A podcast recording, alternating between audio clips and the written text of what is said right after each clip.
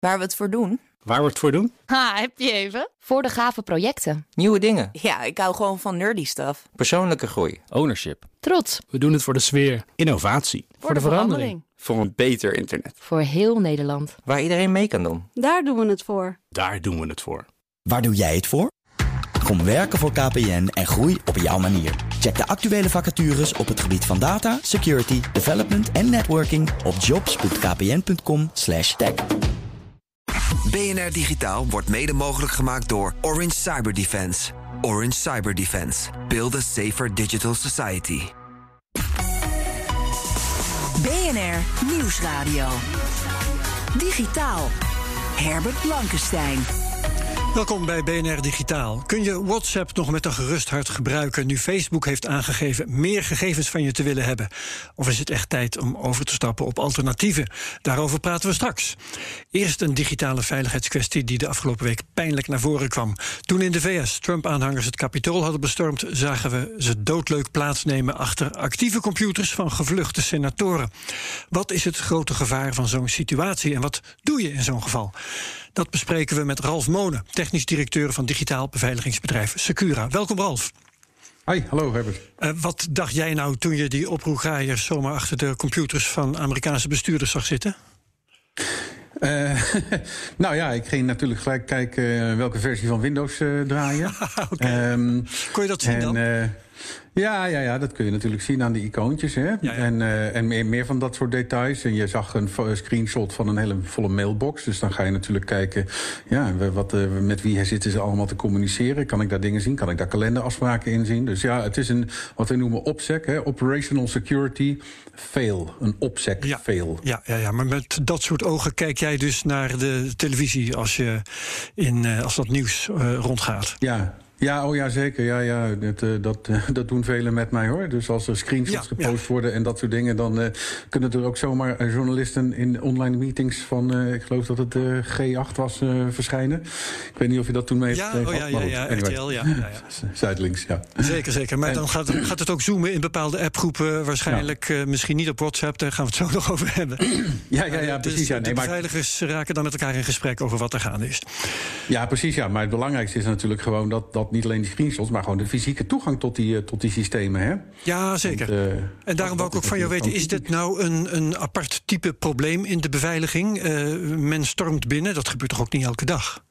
Nee, dat niet. Uh, maar er zijn wel degelijk scenario's uh, bedenkbaar en ook al lang bekend. Uh, en ja, we hebben daar eigenlijk een, een, een, verzamelnaam voor. En dat is de Evil Maid Attack. Oftewel de kwaadaardige kamermeisje. Het kamer, ja.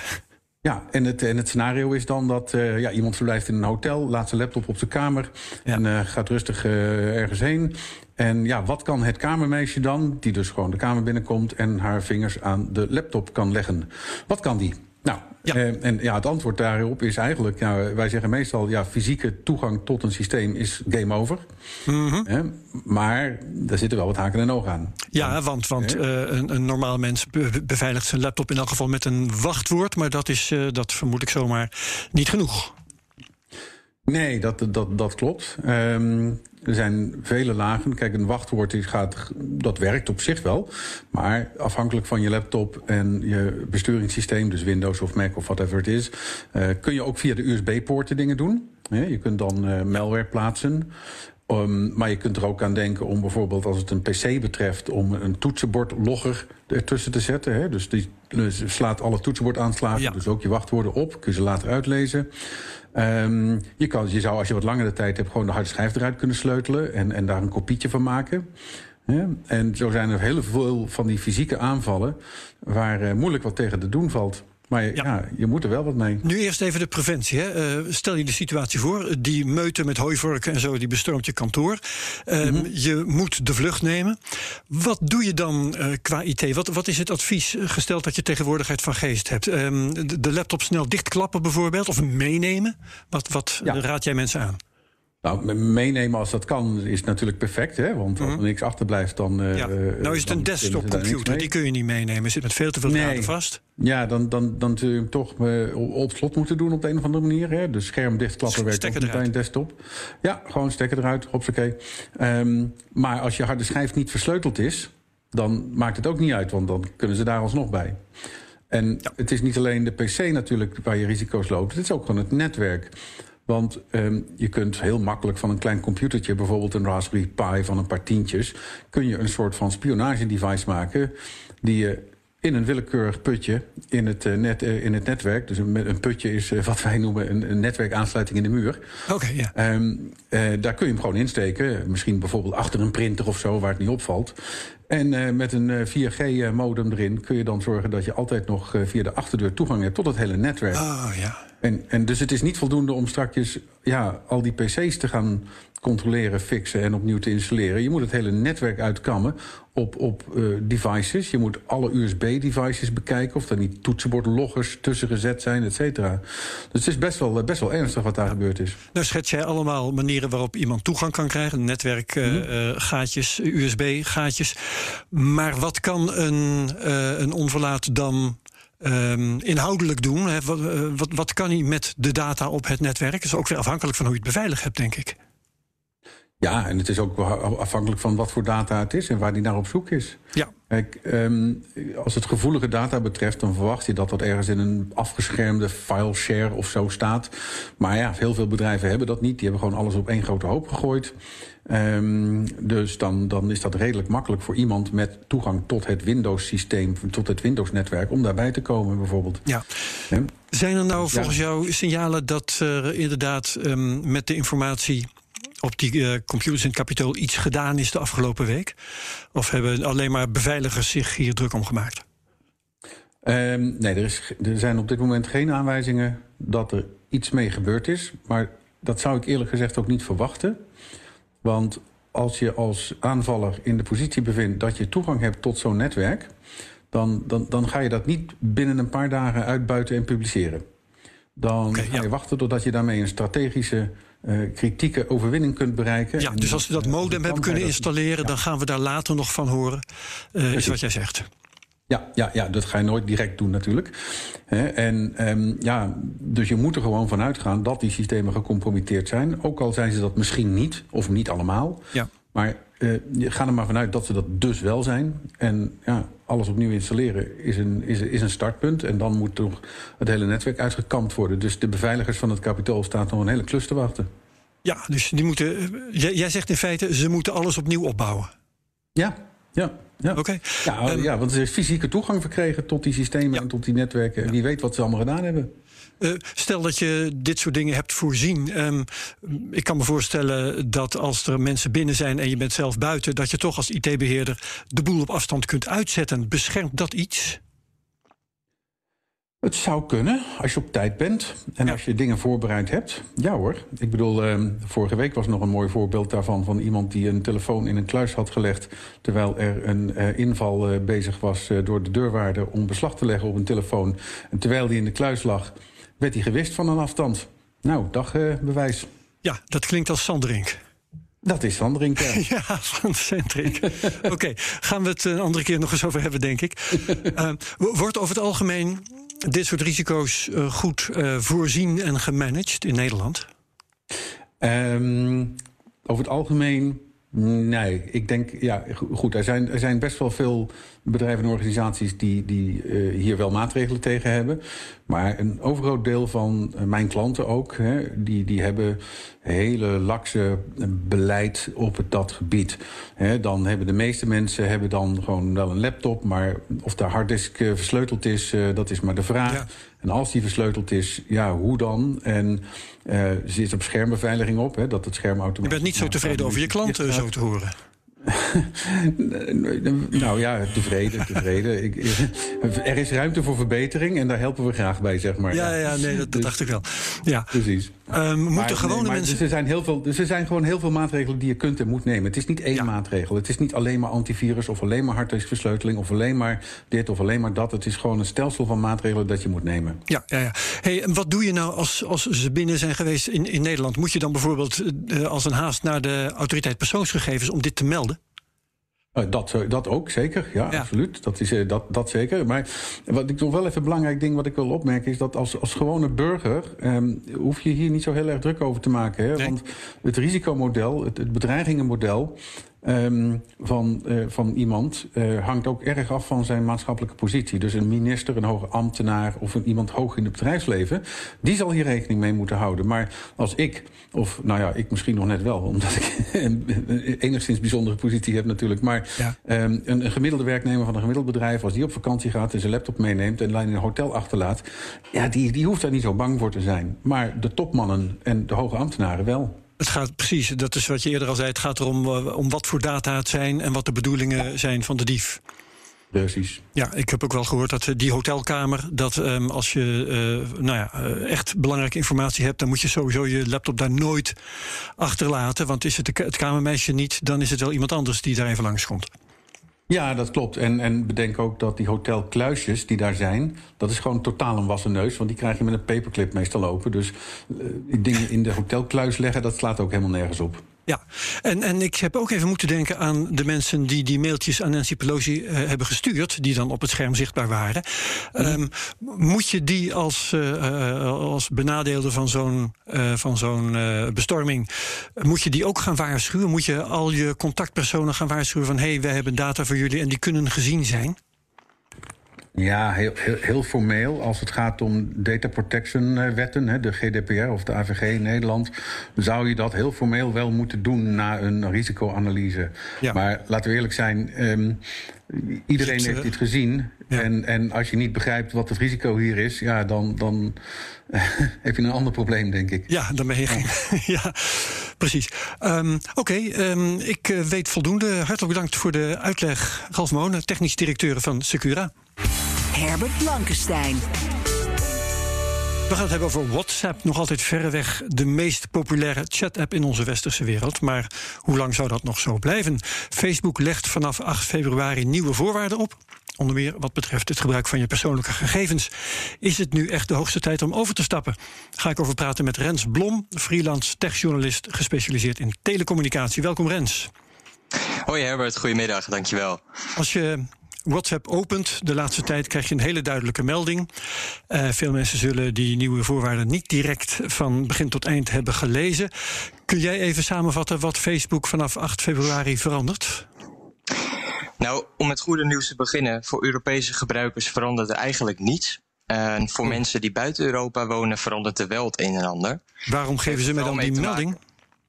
Nou, daar zijn ze eigenlijk toe verplicht. Uh, dus het is ook heel goed en netjes dat ze dat doen. Ze mm -hmm. hebben eigenlijk daar ook geen keuze in. En het belangrijkste voor wij ja, als Europese gebruikers is om te weten dat die voorwaarden niets veranderen aan de manier waarop wij WhatsApp gebruiken, maar vooral niet aan de manier waarop Facebook omgaat met WhatsApp.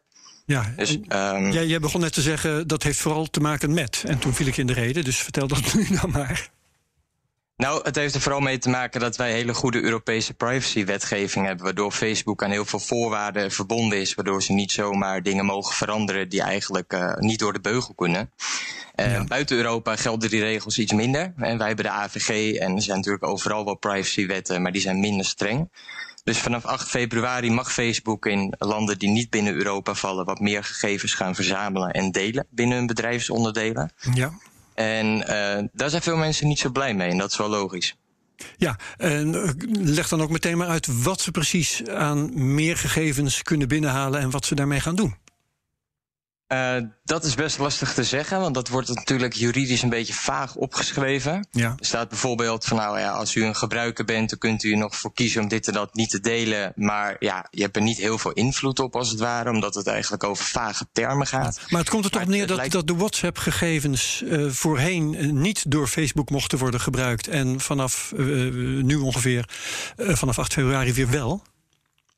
Ja, buiten Europa dus mogen ze inderdaad wel ja, meer met die gegevens doen. Ze mogen meer dingen gaan combineren. Ze mogen wat meer met hun partners delen. Ja. En Facebook is zelf natuurlijk ook een enorm bedrijf met allerlei onderdelen.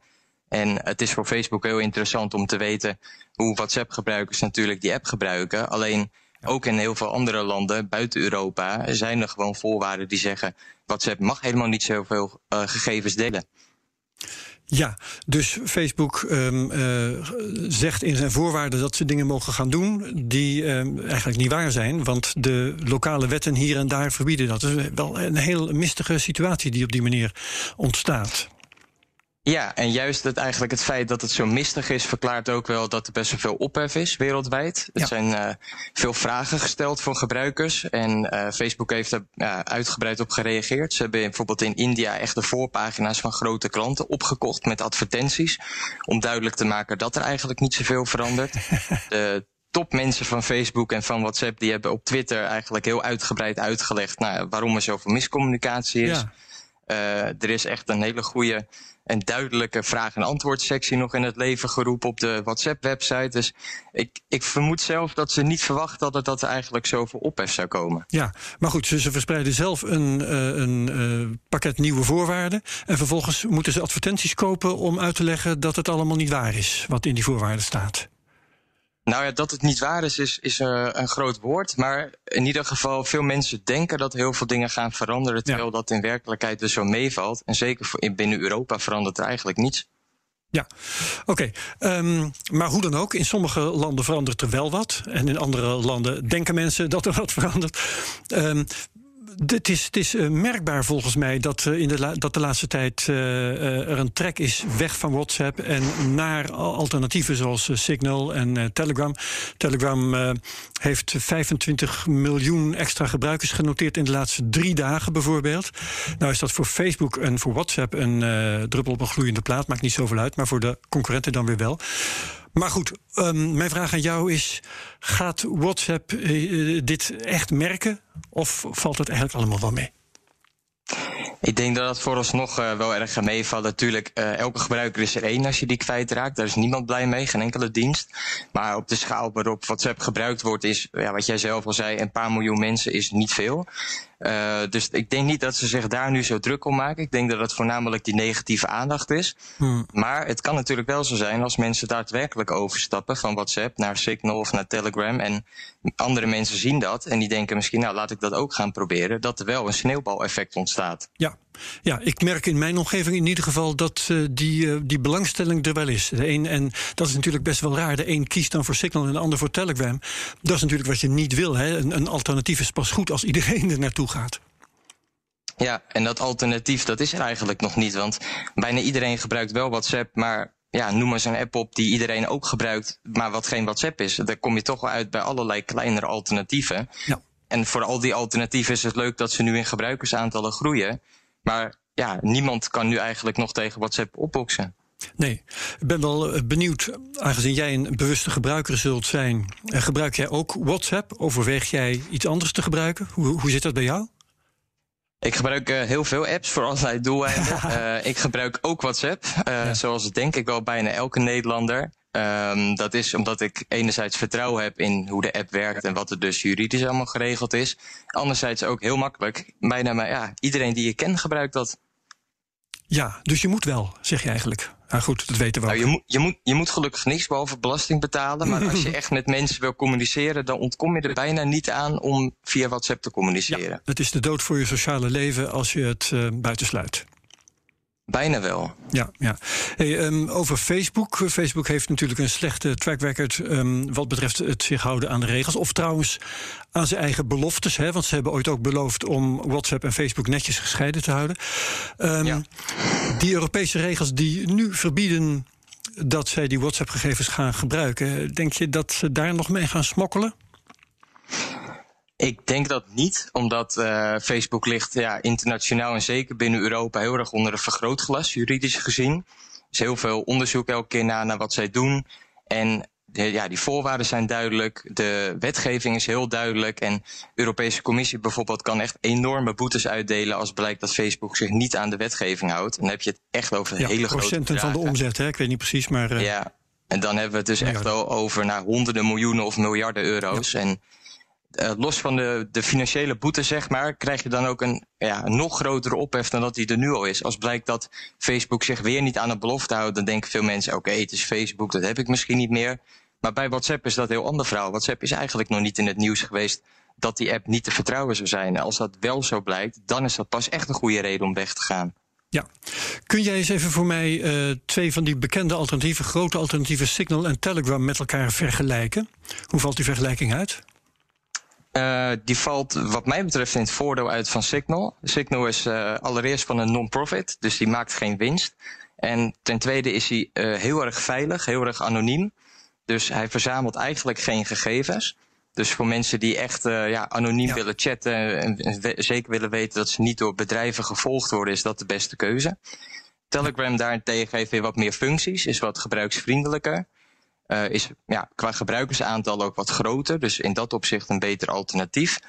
Alleen uh, ja, Telegram is wel iets minder veilig. Bijvoorbeeld, je hebt een nou, term als end-to-end encryptie.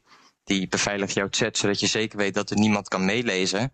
En bij Telegram staat dat standaard eigenlijk uitgeschakeld. Moet je dat zelf inschakelen via een aparte chatfunctie. Ja, dat zijn toch dingen, als je echt veilig wilt chatten, dan is Telegram dus weer een minder goede optie. Ja, en uh, Signal is uh, dus, als, als ik jou goed mag, uh, als ik jou goed begrijp, beter op het gebied van die encryptie. Maar als ik me goed herinner, is ook um, de metadata, dus wie communiceert met wie, dat slaan ze niet op, hè? Dat klopt, ja. Signal slaat eigenlijk gewoon echt niks op. Ja, oké. Dan is dat uh, helder. Zijn er verder nog uh, chat-apps die de moeite van het noemen waard uh, zijn? Ik herinner me Wicker, heb ik ook nog eens geprobeerd. Maar wat, wat is er nog meer voor jou van belang? Um, ja, nou de belangrijkste hebben we eigenlijk wel opgenoemd. WhatsApp, Telegram en Signal. Wicker is inderdaad ook net als Streama bijvoorbeeld wel interessant, omdat die ook heel erg op veiligheid gefocust zijn. Maar dat is eigenlijk alweer ja, wat, uh, wat interessanter voor een niche. Dus mensen die misschien vanuit journalistiek opereren, die niet echt gevolgd willen worden. Ik vind zelf bijvoorbeeld Discord, dat is wat meer op gaming gericht, maar kun je ook wel voor andere doeleinden gebruiken. Ja. Is ook een interessant programma. En ja, zo hou je het nog wel wat, uh, wat kleinere apps over. Ja, ja nou, er zijn er inderdaad een hele hoop. Um, het, het, het, probleem blijft natuurlijk altijd dat je eh, de, de community waar je in zit, je familie, vrienden, die gaan niet zomaar met je mee. Hè, als je zelf besluit naar uh, Signal te gaan. Dus WhatsApp kun je toch niet kwijt. Hoe zou je die overgang stellen dat je zou willen dat iedereen de hele wereld naar Signal gaat of naar Telegram voor mijn part. Hoe zou je dat kunnen helpen als um, eenvoudig uh, gebruiker?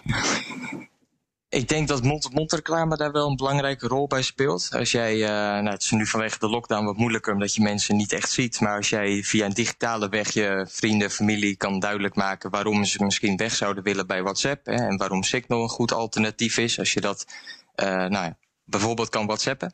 Ja. Dan zou dat wel een uh, interessant iets zijn. En ja. uh, wat veel mensen ook niet weten is dat je best wel een hoop gegevens van WhatsApp kan opslaan en dat eigenlijk kan importeren in Signal, zodat je niet met een, uh, een leeg scherm oh ja. zeg maar begint.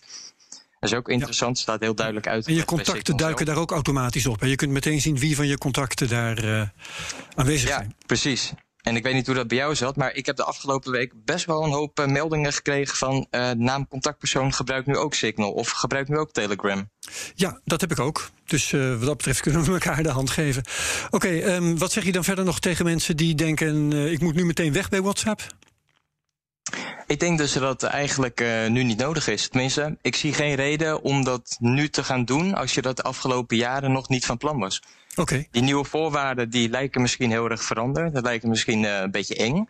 Maar ja, omdat wij dus hele goede Europese privacywetgeving hebben, kun je zeggen dat er niets aan verandert. En dat WhatsApp dus even veilig is als een paar jaar geleden. Ik dank je voor je uitleg. Techjournalist in telecommunicatie Rens Blom. Zover BNR Digitaal. We kijken nog even naar de koers van de bitcoin en de ether. De bitcoin staat op 34.885 dollar. En dat is 1,33% minder dan een week geleden. En dat maskeert een hele hoop spektakel van de afgelopen week. De ether staat op 1078,79 dollar. En dat is 6,9% minder dan vorige week. BNR Digitaal kun je terugluisteren via bnr.nl, onze app... of waar je ook maar luistert naar je podcast. En dan vind je ook mijn andere podcast, de Cryptocast, Technoloog en Space Cowboys. Wat BNR Digitaal betreft. Heel graag tot volgende week. Dag. BNR Digitaal wordt mede mogelijk gemaakt door Orange Cyber Defense. Orange Cyber Defense. Build a safer digital society.